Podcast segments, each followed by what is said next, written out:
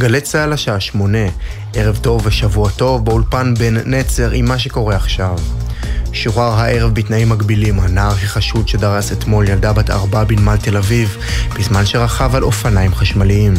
הנער, שגילו 16, נעצר מוקדם יותר היום בחשד שפגע בילדה במהירות רבה וגרם לה לשבר בלסת. כתבתנו בתל אביב, אנה פינס, מוסרת כי לפי עדי ראייה, החשוד נמלט מהמקום ולא סייע לילדה שנפצעה.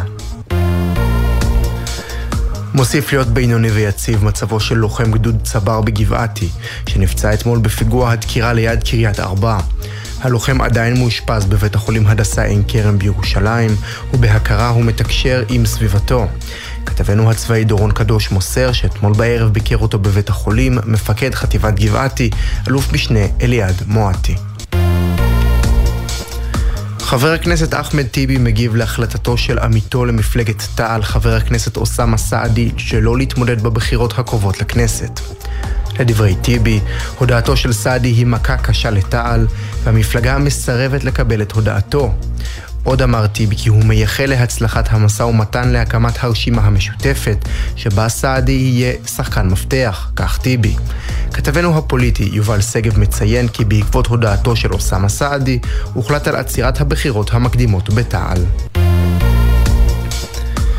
חמישה נפגעים בתאונת דרכים בין שני כלי רכב סמוך למושב אחיסמך בשפלה. גבר בן 24 ונער בן 17 נפצעו בינוני, ושלושה בני אדם נפצעו באורח קל. צוותי מגן דוד אדום פינו את הפצועים לבתי החולים שמיר אסף הרופא וקפלן. במדינת מסיסיפי בארצות הברית הסתיים ללא נפגעים האיום בהתרסקות מטוס לסניף של רשת וולמארט. זאת לאחר שבמשך מספר שעות איים, איים אדם שגנב מטוס קל להתרסק איתו באופן מכוון. בעקבות האיומים, המשטרה המקומית בעיר טופלו פינתה את הקונים מהחנות ומהאזורים הסמוכים לה.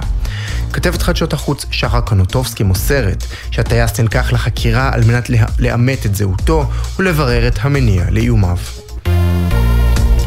כדורגל מהמחזור השלישי בליגת העל. מכבי תל אביב ניצחה 3-1 את עירוני קריית שמונה ובכך שמרה על המקום הראשון בטבלה. במשחק נוסף, הפועל ירושלים מובילה 1-0 על מועדון ספורט אשדוד בסיום המחצית הראשונה.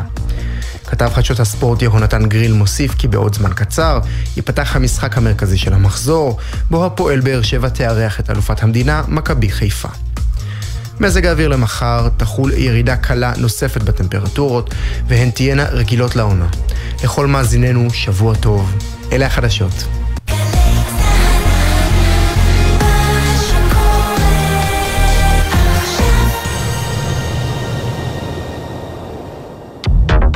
עכשיו בגלי צה"ל, טלי ליפקין-שחק, עם פ"א פגישה אישית. בית של החיילים, גלי צה"ל.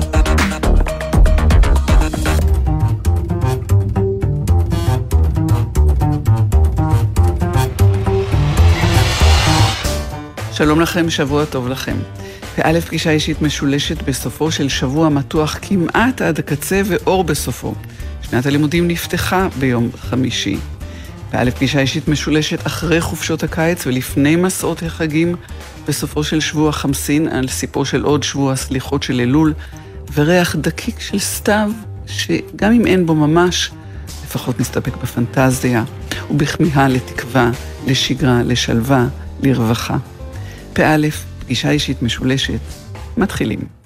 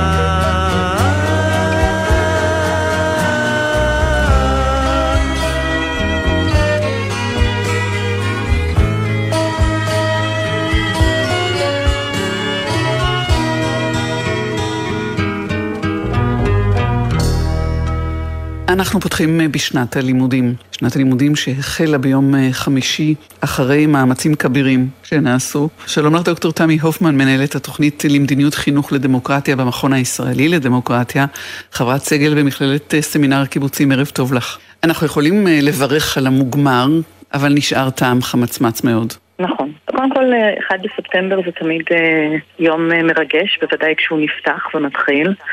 אבל אה, אין ספק שההסכם הזה, שהוא עוד שלב, הוא נכנס לעוד שורה של הסכמים דומים לאורך השנים, לא זה מה שייתן את המענה למצוקות של מערכת החינוך. הוא לא פותר אותנו מהתמודדות עמוקה עם הבעיות אה, המרכזיות.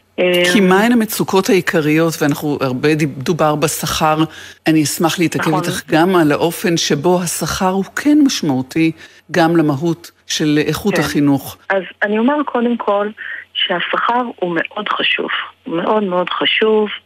אמ, עבודה אה, מקצועית ורצינית צריכה להיות גם משולמת בהתאם. אה, שכר המורים והמורות הוא באמת מבזה לאורך השנים, וכל תיקון בדבר הזה הוא משמעותי.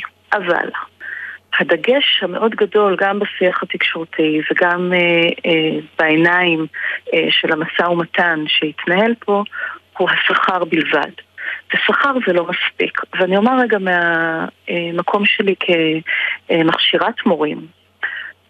אנשים הגיעו לבחור בחינוך ובהוראה כשהם יודעים שהשכר הוא שכר נמוך באופן יחסי למקצועות אחרים, או אולי באופן יחסי למה שהם היו יכולים אה, לקבל בדברים אחרים. ובכל זאת הם הגיעו. זאת אומרת, התיקון העמוק יושב על עוד פרמטרים. הוא יושב על פרמטר של מעמד מקצועי, ועל, אם צריך רגע לקחת את זה למילה אחת, על אמון. האם מדינת ישראל יש לה אמון במערכת החינוך, וקודם כל באנשי ונשות החינוך שלה. אני מודדת את זה במספר לא קטן של פרמטרים. שכר הוא חלק מזה, יוקרה של המקצוע, סטטוס של המקצוע, זה חלק מזה. אבל אני מודדת את זה בעיקר סביב מידת ה... החופש המקצועי או האוטונומיה הפדגוגית. מדברים אצלנו על אוטונומיה, אבל לא באמת אה, מקיימים אותה. אה, למורים ומורות, אחד. מדובר על היחס של אה, אה, החברה אל המערכת. מה התפקיד של המערכת? ומתי פעם אחרונה שאלנו את עצמנו את השאלה הזאת? מה תפקידה של מערכת החינוך במדינת ישראל, מה אנחנו רוצים מהבוגרים והבוגרות שיוצאים ממנה, ומה אנחנו רוצים מהמורים שילמדו אותה, איזה אנשים אנחנו רוצים שייכנסו לכיתות. אני כן אזכיר משהו שאולי ברור מאליו, אבל צריך, אני חושבת, להזכיר אותו. מערכת החינוך הציבורית שלנו פועלת מתוקף חוק, מגיל 3 עד גיל 18, זאת אומרת 15 שנה. הילדים והילדות במדינת ישראל יושבים כ-6-7 שעות בממוצע במערכת, אולי היחידה שהיא לא וולונטרית, היא לא אקראית, היא מתוכננת, היא מאורגנת. אה, והשאלה מה קורה שם היא שאלה קריטית לקיומה של חברה. והיא קריטית גם לקיומה של חברה דמוקרטית בכלל. והיא קריטית למצבה של מדינת ישראל. היה המון דיון על החופשות ועל איך בעצם עכשיו המור... ההורים יש להם עוד שלושה ימים שלא יהיה בהם mm-hmm, חופש. Mm-hmm. זאת אומרת, השאלה הזאת שמתבוננת על מערכת החינוך כפונקציה כלכלית בלבד, שמאפשרת או לא את קיומו של המשק התקין, שזה כמובן חלק מהסיפור, אבל זה לא רק. העובדה שהסתדרות התעשיינים התאחדות נכון. התעשיינים היא זו שביקשה להוציא את צווי המניעה, נכון. היא, היא זעקה שממש נכון. אה, מציגה את, את, את הסיפור כולו ואת העיוות הגדול. נכון, לגמרי. ותוסיפי לזה גם את הצטרפות אה, ארגון הנהגת ההורים. לסיפור הזה גם, של אה, צווי מניעה. כלומר... אבל דווקא ההורים כן, כי, כי, כי, אבל רגע, הורים כן רלוונטיים, כי הורים זה חלק מדו-שיח, מדיאלוג שמתקיים ואת אמור, או את יודעת מה, אולי תגידי לי שהוא לא אמור להתקיים. לא, בין לא, לא, מערכת החינוך לא. לבין הבית. ההורים הם שחקן מפתח. מערכת חינוך היא, היא מערך כל היחסים של מי שמעורב בבית הספר. בוודאי שההורים הם אה, בעלי תפקיד חשוב. אבל הייתי מצפה מהם לעמוד לצד המורים והמורות, ואפילו לדרוש שנשב רגע ונשאל את השאלה, או ניקח את השנה הזאת ונדבר על מה המטרה של בית הספר ומה קורה שם, ומי מגיע אה, לחינוך ומי מחנך את הילדים והילדות, ומה אה, הוא צריך וצריכה כדי לעשות את זה בצורה הכי טובה שאנחנו רוצים, ולא רק אה, מילוי מקום אה, בנושא של משק ועבודה. אז את צודקת שנושא התאחדות התעשיינים הוא...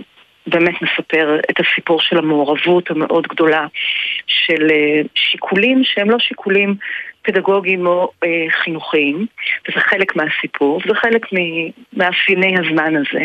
אבל אני, שבאה מהעולם של החינוך, של אה, ההוראה והכשרת מורים, והמחקר בתחום הזה, אני מסתכלת על התמונה הרחבה. ובתמונה הרחבה, הסיפור של המורים לא יכול להיות שורות אקסל אצל אה, משרד האוצר. משרד האוצר הוא לא... אה, פקידי משרד האוצר מבינים בכלכלה, הם לא מבינים בחינוך. וההחלטות שיושבות רק על הגרפים, את יודעת שאת מסובבת אותן מכל הכיוונים, הן החלטות שלטווח ארוך לא פותרות את ה, אה, באמת את המצוקות של המערכת, שעם זה התחלנו, שהדרך להתחיל להתמודד איתן מתחילה קודם כל אה, בבני האדם שנכנסים לכיתה ופוגשים תלמידים. יום יום. ופה, אה, דוקטור אה, תמי הופמן, פה אני מבקשת רגע לעצור איתך ולדבר על מה באמת האתגרים או היעדים העמוקים והמשמעותיים mm-hmm. שצריכים לבוא לידי אה, מיצוי בפגישה הזאת בין האדם שנכנס לכיתה בכל גיל mm-hmm. ושלב לבין האנשים שהוא פוגש, האנשים הקטנים. כן. קצרי הקומה שהוא כן. פוגש, או הגבוהים. כן, אנשים בתהליכי ההתפתחות אה, שלהם, כן. כן. קודם כל המערכת שלנו היא מערכת עם פערים מאוד מאוד גדולים. בין פריפריה למרכז, בין קבוצות באוכלוסייה, אה, גבוהים ביחס לכל המדינות ב-OECD, כלומר הקשר בין אה, המקום שאדם נולד לבין היכולת באמת למצות את שוויון ההזדמנויות או, כישרו, או כישרונותיו וכולי, הוא אה, מאוד מובהק. וזאת אה, בעיה עמוקה, כולם מכירים אותה, כולם יודעים להגיד אותה, אה, שהיא קיימת, אבל בסוף, לפחות במאה ה-21, כל הפתרונות שמוצעים או הרפורמות בפועל לא באמת עוסקות בזה. זה סיפור אחד. ולדבר הזה יש הרבה מאוד אה, התייחסויות במחקר וכולי, מה זה גם, מה יקרה פה בעוד 20 או 30 שנה, לצורך העניין. כשמסתכלים גם על מגמות אה, דמוגרפיות וגם על אה, אה, הגידול בפערים. זאת אומרת, גם כשרואים עלייה בהישגים או בפרמטרים שונים בקבוצות מוחלשות, עדיין הפערים נשמרים. אז זה עניין אחד. עניין שני זה באמת אה, אה, דרכי הלמידה וצורת הלמידה, שיש, היא לא מספיק, אני אגיד ככה, היא לא פרצה את המעבר מאיים של למידה אחרת, יצירתית, שקיימים בכל הארץ, ממש mm-hmm. דברים מדהימים, להפוך להיות ב-DNA של המערכת. וזה לא קרה, וגם פה כל ניסיון אה, לעשות עם זה משהו אחר, איכשהו בסופו של דבר במבנה הקיים, הארגוני, שזה יביא אותי תכף לעניין השלישי, אה, הארגוני, התקציבי, הדבר הזה לא מתממש. ואני כן אגיד בסוגריים שאני לא משוכנעת שהרפורמה שמתחילה היום בכיתות י' ובתיכון, אם את במקצועות ההומניים, שכביכול אמורה לתת לדבר הזה מענה, אכן תעשה את זה בהינתן שהאקלים מסביב לא השתנה. אז זה דבר שני. דבר שלישי זה באמת אה, אה, הנושא של האם המערכת שלנו מכינה, האם אנחנו כחברה מכינים את התלמידים להיות אה, אזרחים ואזרחיות במדינה דמוקרטית.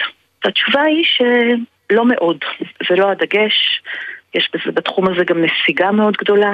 אה, הרבה מאוד דברים שהיו מובנים מאליהם אה, בעבר, היום הם לא. ויש לזה אה, הרבה מאוד פרמטרים שרואים את זה, ואני אפילו... השאלה יהיה... כמובן, אבל השאלה כמובן, האם אם זה ערכים מוחלטים שיש עליהם הסכמה. לא, זה בסדר. או שזה אגב, מסוג הדברים אין, שהם לא. יחסיים ומשתנים. תראי, כל המדינה כמדינה דמוקרטית זה נתון. עכשיו אנחנו יכולות בתוך המשחק הדמוקרטי, או בתוך הדיון הדמוקרטי, לדעת לדון על ערכים, על uh, מידתיות, על uh, uh, תחרות בין ערכים, זה בסדר. אבל אנחנו צריכות להיות מסוגלות לנהל את השיחה הזאת. ואם אין לי כלים לנהל את השיחה הזאת בכלל, אז יש בעיה. והיא עוד יותר uh, מתגברת כשבעצם מערכת החינוך הישראלית היא לא מערכת אחת, היא מערכות. וכל אחת מהמערכות פועלת בתוך מרחב שונה מבחינה תקציבית, מבחינת. אוטונומיה, מבחינת uh, עצמאות, מבחינת מיקום. Uh, היא פועלת, יש לה מיקום אחר, מיקום ארגוני אחר. ו, ואני אהיה בוטה קצת ואני אומר שניקח עכשיו את כל הילדים שסיימו י"ב, אה, את כל הנערים והנערות שסיימו כיתה י"ב בשנה שעברה, ונכניס אותם לחדר ונשאל מה משותף להם. מה בכל זאת האתוס המשותף. ואנחנו נראה שהם כולם מדברים עברית ברמה כזו או אחרת, לצורך העניין, וכמעט כולם מחזיקים תעודת זהות כחולה. אבל כשאני אשאל מה משותף, למתמטיקה זה לא אתוס משותף, לצורך העניין. אה, ולכן השאלה של מה זה לחיות במדינה דמוקרטית כוללת בדיוק את המורכבות של ערכים סותרים, של זהויות שמתנגשות, אה, וצריכה להיות שפה כדי לדבר את זה. ואם היא לא קיימת, או לא נלמדת, או לא מתנסים בה, או היא לא מונחת על השולחן, אז זה לא יקרה. ואז אנחנו נשארים במקומות של מחנות מאוד דיכוטומיים, מוחלטים, אה, עם אמת אחת וכולי, והעולם הוא לא כזה. אנחנו אה, צריכות כבר כמעט לסיים את השיחה הזאת, אה, דוקטור תמי הופמן, אני רוצה רגע לקבל ממך ממש בכותרות, ואני מתנצלת, את סיפור הדוח על חיים בשותפות ומניעת גזענות במערכת כן. החינוך. לפני כחודש יצא, אחרי עבודה מאומצת של כמה חודשים, דוח של משרד החינוך, שעוסק בחיים בשותפות ומניעת גזענות. זה בעצם, זה לא פעם ראשונה שמנסים לעסוק בתחום הזה, אבל זה בהחלט פעם ראשונה שיש ועדה בדרג בכיר, שמעורבים בה הרבה מאוד. הרבה מאוד אה, נשים ממשרד החינוך וגם אה, ארגוני חברה אזרחית. אה, אני, בשביל הגילוי הנאות אני אגיד שגם הייתי חלק מה... מייצגת את המכון הישראלי לדמוקרטיה. ואני אומר שהדוח הזה אה, מדגים, אני חושבת, מצד אחד, את הצורך לדבר על הדבר הזה. צריכה להגדיר מה זה חיים בשותפות, ואיך פועלים פה לחנך למניעת גזענות ודעות קדומות וסובלנות וכולי. אז הוא כן מדגים מאוד את המאמץ וגם מצייר אה, את החסמים הקיימים אה, בתחום הזה, שמי שמכיר את התחום הם לא יהיו חדשים לו. בהמלצות הייתה אה, גם אה, הגדרה של תקציבים ושל סגירויות שמאפשרות להכניס את זה. אם הדבר הזה לא יקרה, זה יישאר עוד דוח, וזה יהיה מאוד חבל. ואני חושבת שבתוך הסיפור של הדוח הזה מגולם גם אחת הבעיות הקשות של הפער בין אמירות ורצון, ורצון אמיתי, באמת אה, כוונות אה, אה, חשובות ונכונות וכולי, שבסופו של דבר במפגש עם המציאות לא מקבלות לא את התקציב המתאים, לא את ה... הסדירויות המתאימות, ואפילו לא את המחויבות האסטרטגית לקיים אותם. אני מאוד מקווה שהדוח הזה ידגים אחרת. אנחנו נחכה ונראה, אבל בעניין הזה באמת העתיד שלנו קשור בדבר הזה גם. דוקטור תמי הופמן, מנהלת התוכנית למדיניות חינוך לדמוקרטיה במכון הישראלי לדמוקרטיה, חברת סגל במכללת סמינר קיבוצים. תודה שדיברתי איתנו, שיהיה שבוע טוב, שתהיה שנה טובה. שלום לך. שתהיה שנה טובה, תודה לך.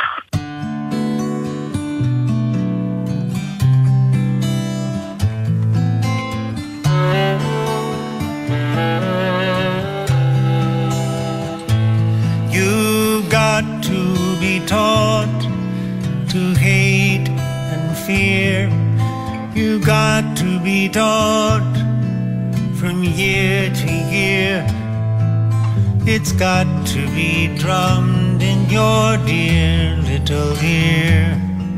You've got to be carefully taught.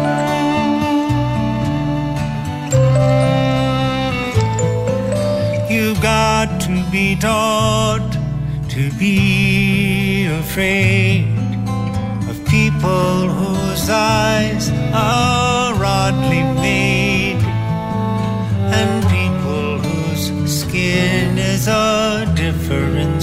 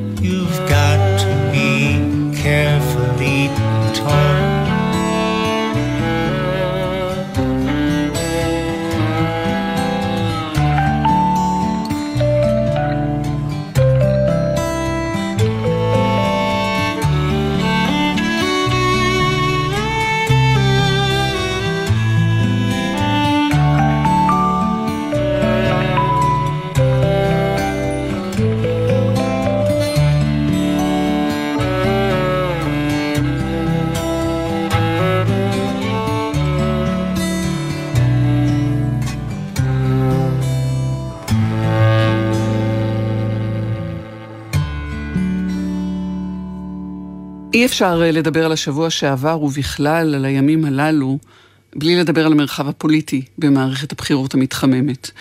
ואי אפשר לדבר על מערכת הבחירות המתחממת בלי לדבר על הציונות הדתית ועל ההשתקפות או התרגום של האופי המשתנה של המגזר הזה למסגרות פוליטיות. שלום לך, אה, פרופסור משה הלברטל מהחוגים למחשבת ישראל ולפילוסופיה באוניברסיטה העברית בירושלים, מי שהיה חבר בוועדה שהכניסה בשעתו שינויים במסמך רוח צה"ל בין השאר, וגם ממייסדי תנועת השמאל הדתית נתיבות שלום, ופעיל אה, בשעתו בתנועת מימד מיסודו של הרב עמיטל. ערב טוב לך, שבוע טוב. ערב טוב. אולי בזה נתחיל, בדברים הפוליטיים שהזכרתי. ונשאל האם נתיבות שלום ומימד הם שני אה, ערכים פרה-היסטוריים, הם זיכרון מעומעם לימים שהיו ואינם, איזו אפיזודה חולפת. אני לא חושב שהם אפיזודה חולפת בגלל שהם שיקפו איזושהי תפיסה של יהדות, איזושהי עמדה של אה, מהי היהדות בהקשר החדש של מדינת ישראל, והעמדה הזאת היא, היא במובן מסוים מעבר לאירוע הזה או האחר. היא שיקפה עמדה שאמרה שבהקשר במיוחד הפוליטי של שנות ה-70, 80, 90, שקדושת הארץ לא קודמת לפיקוח נפש, ולכן האפשרות של פשרה טריטוריאלית היא מחויבת מבחינה הלכתית נגד העמדות של, של גוש אמונים ואחרים בשעתו, שדיברו על שלמות הארץ כצו עליון. היא דיברה על תפיסה שפוליטיקה לא בונים על, על רעיונות משיחיים של גאולה, אלא שהיא צריכה להסתמך ולהישען על, על שאלות של הערכה מדינית, אנושית. היא דיברה על יחס אה, אה, שווה לאזרח, לאזרח היהודי הלא יהודי במדינת ישראל.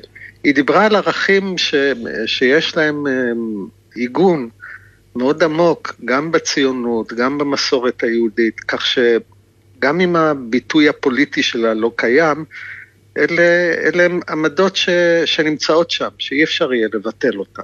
אמרת פרופסור אלברטל, היא דיברה. היא, זאת אומרת, אה, תנועת מימד, אה, או הם זה נתיבות שלום ותנועת מימד, או הרעיון הזה, בלשון עבר. ואם אנחנו חושבים שאת הזירה הפוליטית, או לפחות את מה שפעיל בה, מכתיב איזשהו זרם, אז יש שינוי בזרם, ומה שדובר בו כבר לא מדובר בו, שהוא לא, או שהוא כבר לא נחלת הכלל, או הוא נחלת בודדים שממשיכים עוד לדבר בזה, או להאמין בזה, אבל הם כבר אה, אבק פורח. בהחלט יש שינוי עמוק בזרם. השאלה האם הרעיונות האלטרנטיביים, האם החלופה היא אבק פורח, היא דבר ש... שעבר זמנו, זאת הייתה השאלה, והתשובה היא ש... שרעיונות לא מתים. בטח לא רעיונות שהם... שיש להם עומק יהודי ואנושי וציוני. וחלק מהתומכים ברעיונות האלה גם לא רואים צורך במובן מסוים בהתארגנות פוליטית נבדלת, מגזרית. אני, יש גם אפילו בכנסת אמ, אנשים שהם קרובים בצורה כזו או אחרת לרעיונות האלה. אלעזר שטרן אה, ביש עתיד ואחרים.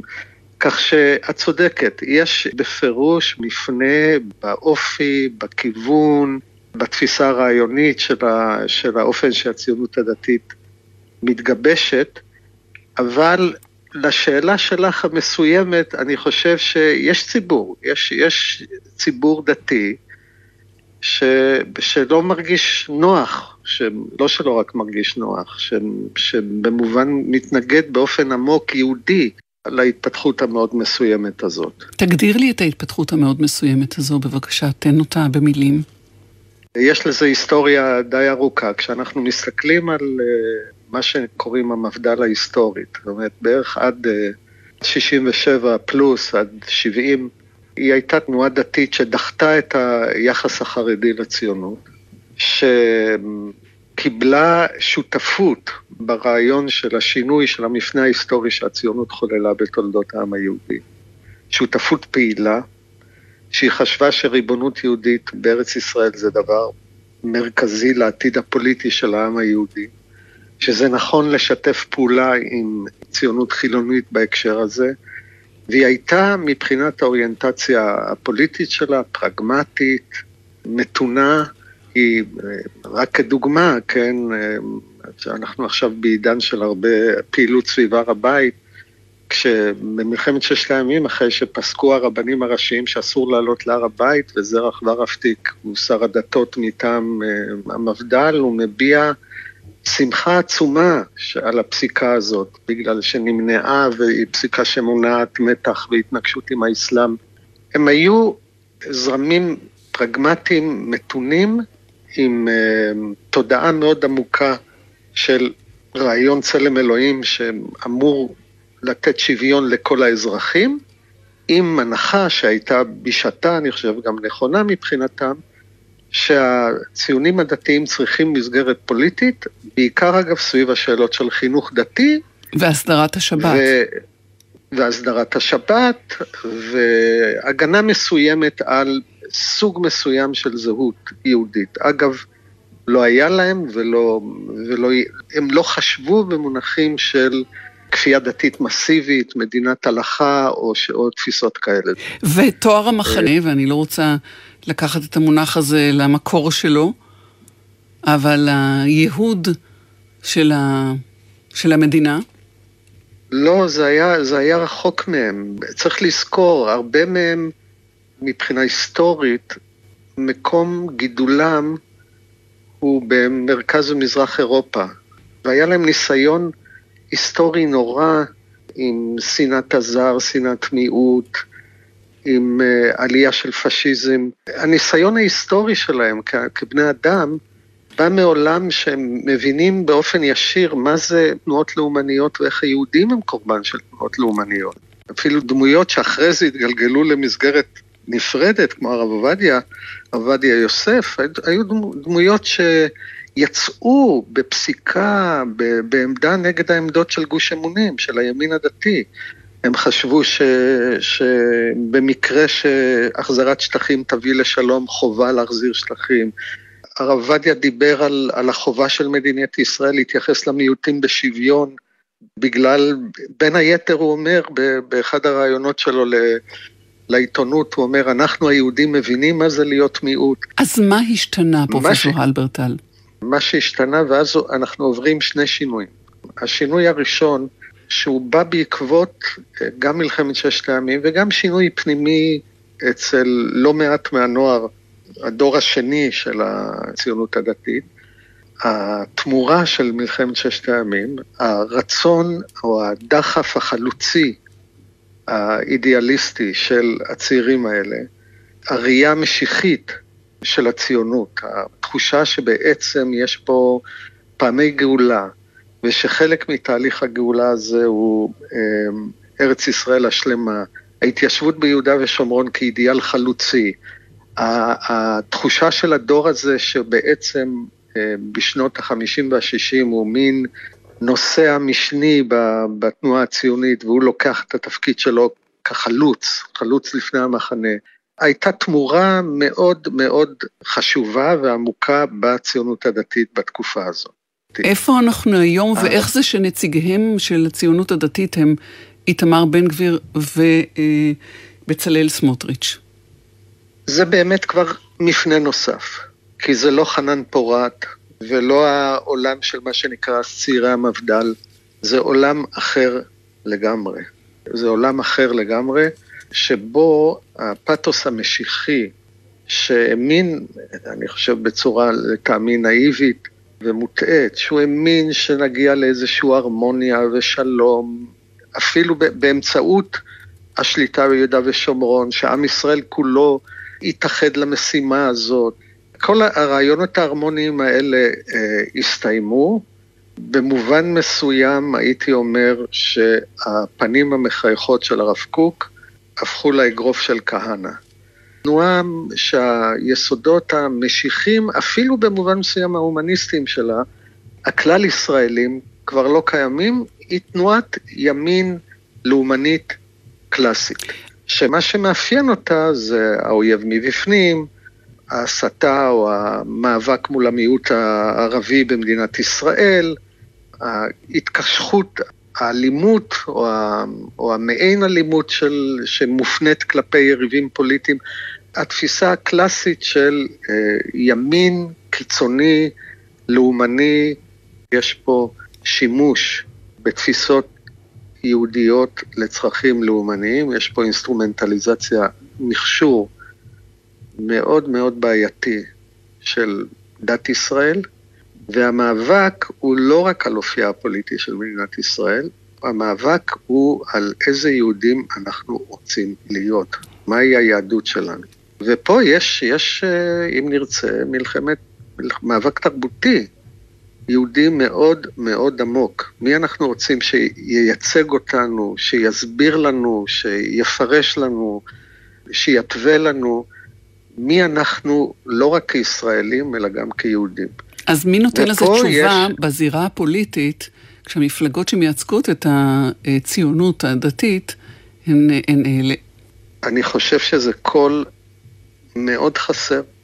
זה קול שכן יש לו ייצוג, לא, אין, לו, אין לו ארגון פוליטי מפלגתי, יש לו ייצוג בין חברי כנסת שונים, אבל זה קול חסר. וזה קול שאני חושב הוא מהדהד אצל לא מעט ישראלים. ושוב אני אומר, העניין המגזרי פה הוא לא העניין המרכזי. דתי, לא דתי, חילוני, מסורתי. אה, יש ציבור גם מסורתי מאוד גדול. אה, שאגב, גם תנועת ש"ס, במופע ההיסטורי שלה, במופע התרבותי שלה, הביטויים האלה זרים לה.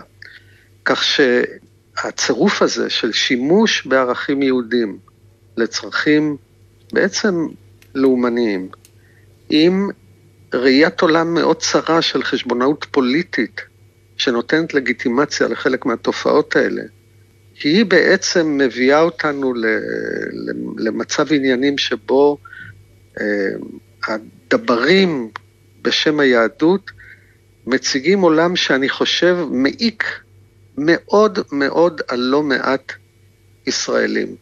ולא רק מעיק מבחינת האוריינטציה הפוליטית שלו, הוא גם מעיק מבחינת מה זה אומר עלינו כיהודים. הקול הזה באמת צריך להישמע בצורה הרבה יותר ברורה ויותר משמעותית. יש לנו פה אחריות אה, היסטורית כישראלים, כיהודים, להעמיד בצורה מאוד חדה חלופה תרבותית, פוליטית, יהודית לתפיסה הזאת. פרופסור משה הלברטל מהחוגים למחשבת ישראל ולפילוסופיה באוניברסיטה העברית בירושלים, מודה לך שדיברת איתנו. שיהיה שבוע טוב. תודה רבה, תודה רבה. שלום.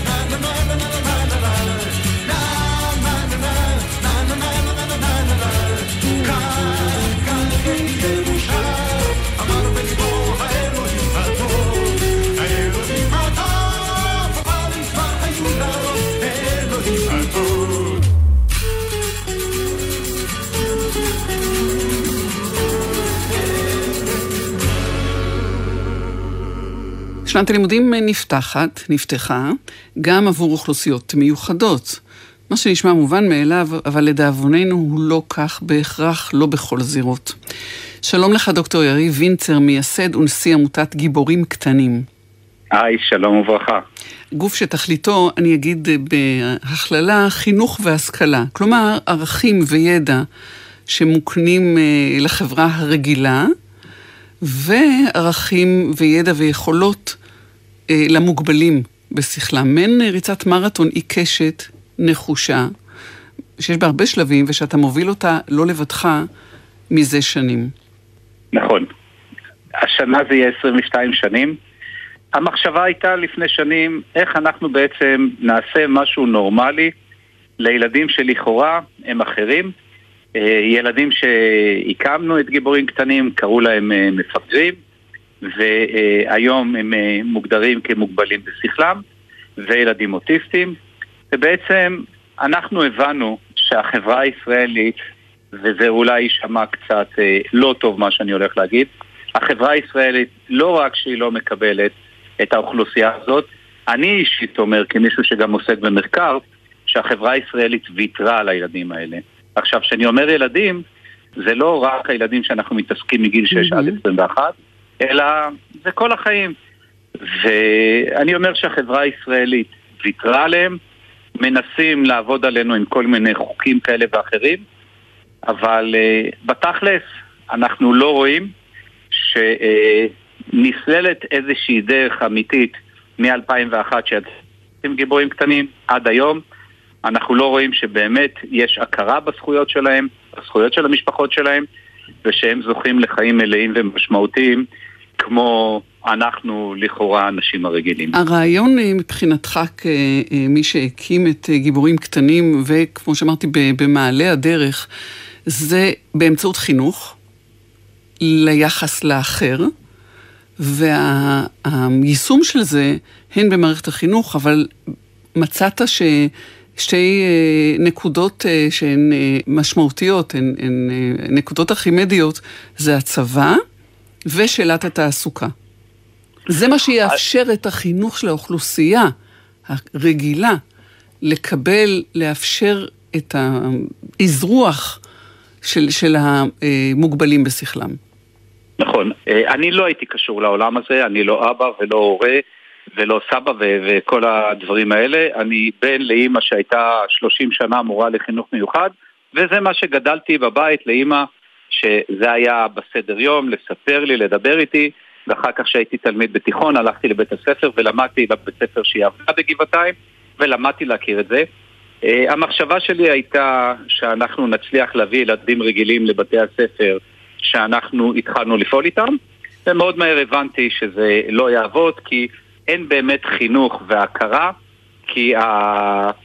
הפרדיגמות והסטיגמות והדעות הקדומות והסטריאוטיפים הם גוברים על כל דבר ואז באמת ב-2001 רצה הגורל החיובי שפגשתי אדם נפלא, קוראים לו תת-אלוף רוני מורנו, היה אז הקלר. אמרתי לו מה החלום שלי, מה החזון שלי, סיפרתי לו, ותוך כמה דקות מצאתי את עצמי בבה"ד 6, בית ספר להדרכה. וסיפרתי להם על הרצון שלי שאנחנו, בשביל שנעשה שינוי בחברה הישראלית, אנחנו צריכים לחנך. החינוך צריך להתחיל עם חיילים, וזה הצליח לי. היינו היחידים. במהלך אה, שנים רבות, שכל שבוע הבאנו ילדים לבסיסי צה"ל.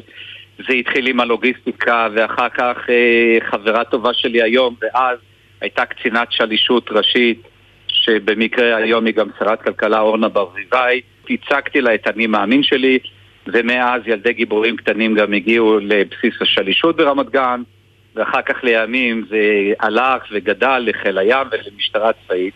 בתפיסת העולם שלנו, יש מקום ששם מתחיל החינוך, ומשם מתחיל הפתח לחיים. כולל עניין ו... התעסוקה. שבו אתם הקמתם אה, תוכנית אה, לימוד והכנה לתעסוקה בשלוש מכללות אה, בארץ.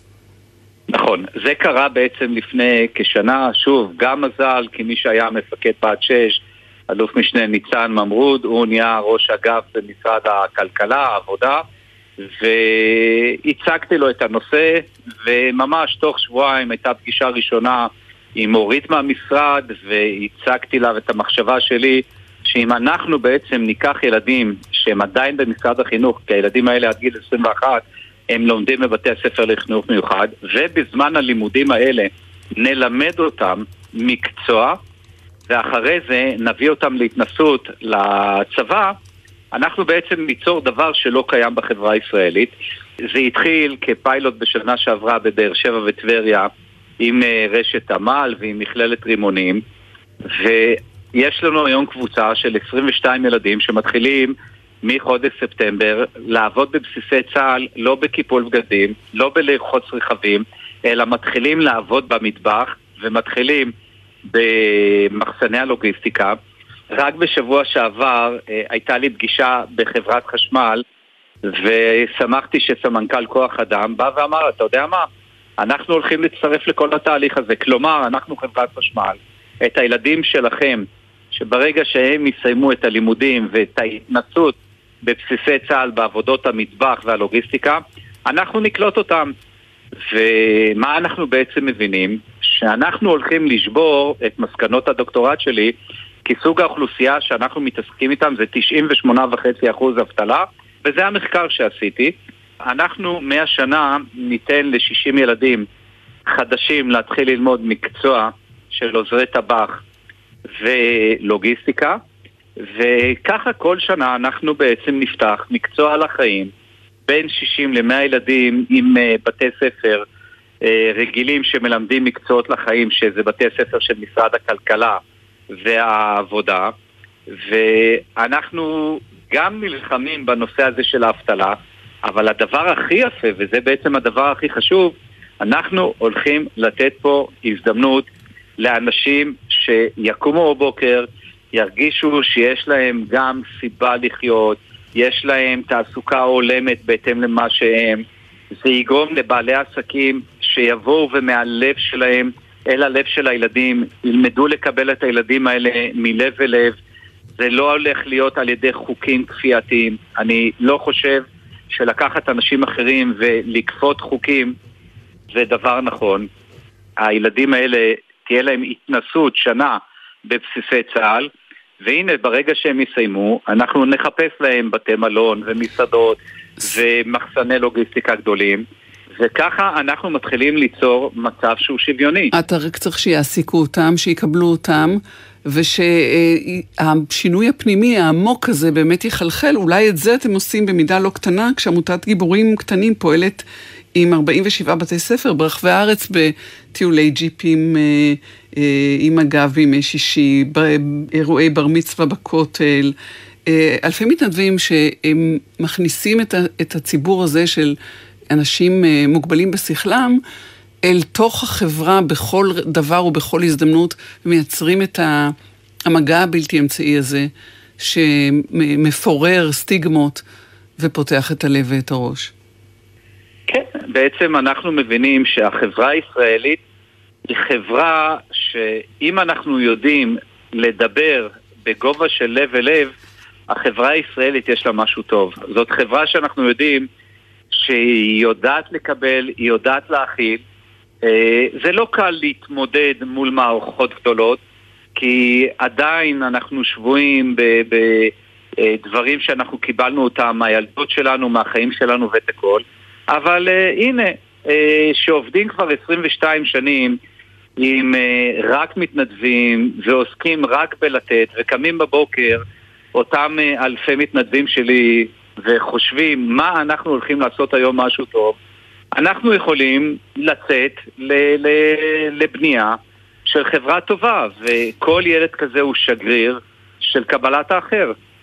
צריך להגיד אולי ברגע הזה וטרם פרידה, דוקטור יריב וינצר, שכשהיית בן 17, ידעת כבר שבזה אתה רוצה לעסוק. אז הלכת ולמדת משפטים, ורק כשהיה לך את הבסיס הכלכלי היציב כדי אה, להתחיל לפעול גם למען הקהילה, יצאת לדרך. אה, בגיל 40, כן. זה לא, זה, זה, זה נכון. באמצע החיים. נכון, וכבר 22 שנים אני קודם כל חי את זה. אני גם uh, התעסקתי, הייתי עורך דין מאוד פעיל כעורך דין פלילי, אבל גם השופטים ידעו שאני לא מגיע לדיון כי אני mm. חייב להגיע לבית ספר לחינוך מיוחד, או אני חייב להיות עם הילדים בכותל, וידעתי תמיד uh, לבוא ולדבר ללב של uh, אנשים גם לפעמים מיליטנטיים, ולהציג להם את כל מה שאנחנו עשינו. ואין ספק שהרי בסופו של דבר הדברים האלה אנחנו נשאיר בחברה. אמן. זה הדבר. זה הדבר היפה שלנו. ברכה, ברכה עליך. דוקטור יריב וינצר, נשיא גיבורים קטנים, תודה שדיברת איתנו, שלום לך. תודה רבה.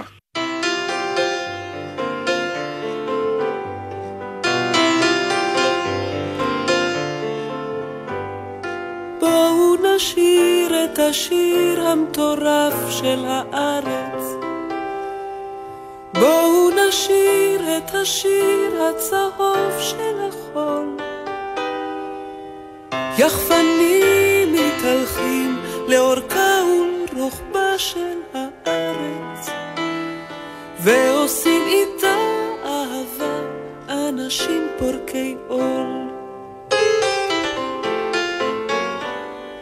איפה הארץ ההיא שקראו לה קטנטונה?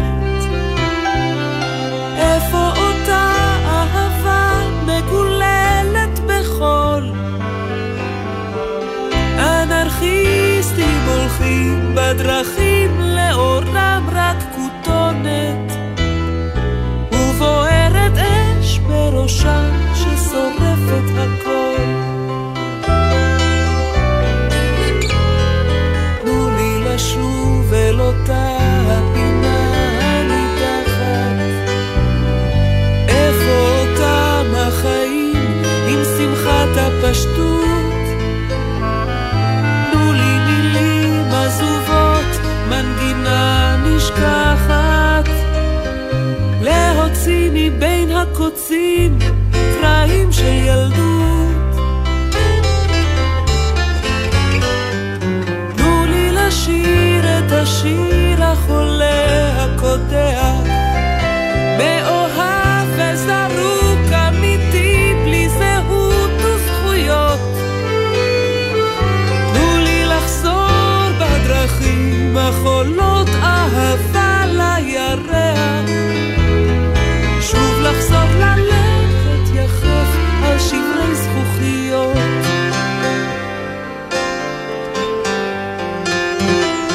את המשדר הזה ערכו איתי והפיקו יפעת גלר, עומר נותקביץ' ומאיה יהלום. על הביצוע הטכני היה אורי יריב, אני טלי ליפקין שחק. שבוע טוב לכם כולכם. אהו שלום. איפה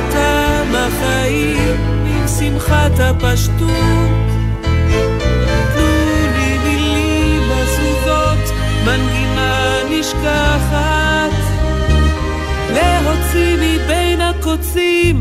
קרעים של ילדות.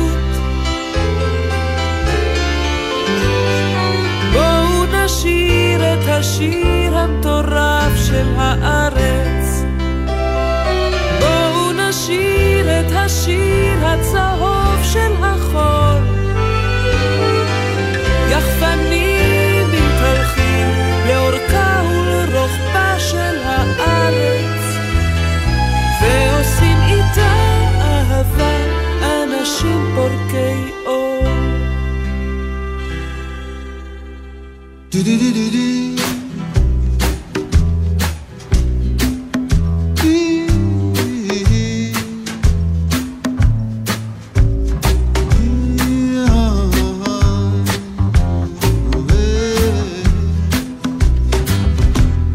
ילדתי שלי, אל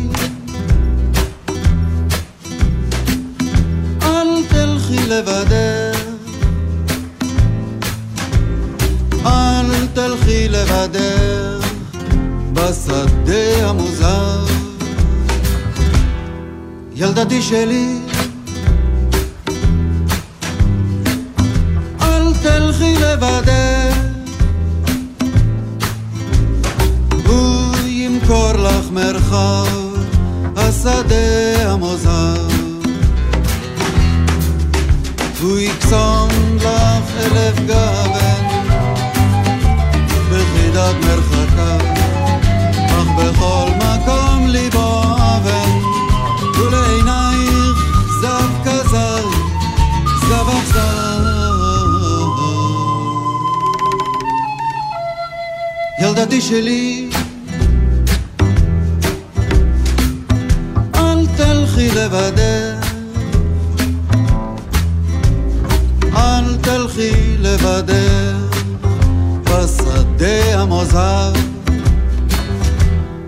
ילדתי שלי, אל תלכי לבדך, הוא ימכור אם ואב, השדה המוזר.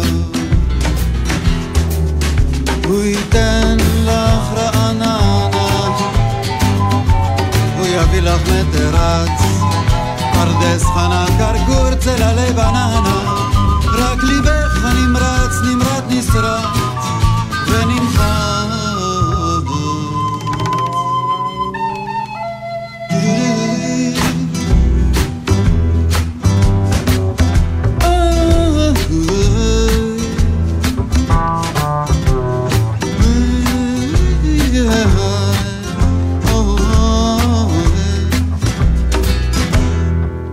ילדתי שלי אל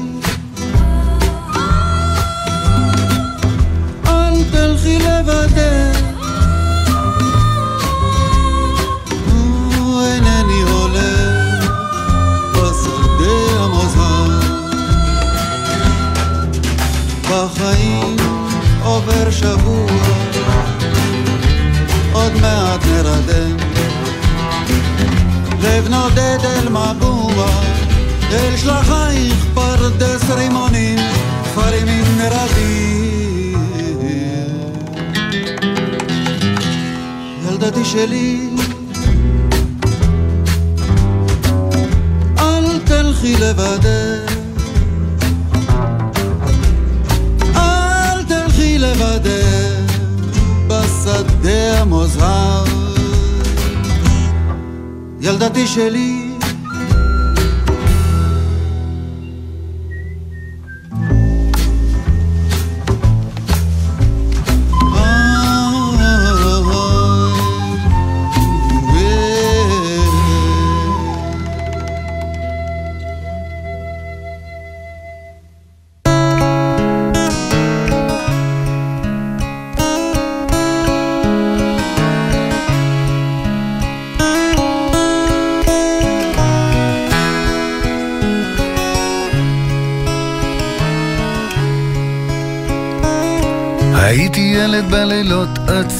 משוטט לבד, לא נתתי לאיש לדעת. את היית אהבת נעוריי. הייתי ילד בימים, חולם, מנגן ושר מ... מה נשמע, נשמע, סוף השבוע, היית של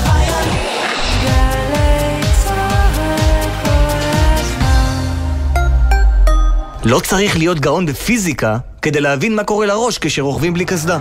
עם החזרה לספסל הלימודים, ודאו שהילדים חובשים קסדה בכל רכיבה, מקפידים לרכוב בשבילי אופניים, ואם אין שביל, אז בכבישים שאינם סוענים. וזכרו, הרכיבה על אופניים חשמליים וגלגינוע, קורקינט חשמלי, מותרת רק לבני 16 ויותר שעברו מבחן תיאוריה או מבחן ייעודי וקיבלו אישור הכשרה. שתהיה לכולנו שנת לימודים מוצלחת ובטוחה. הרלב"ד, מחויבים לאנשים שבדרך. אתם מאזינים לגלי צה"ל.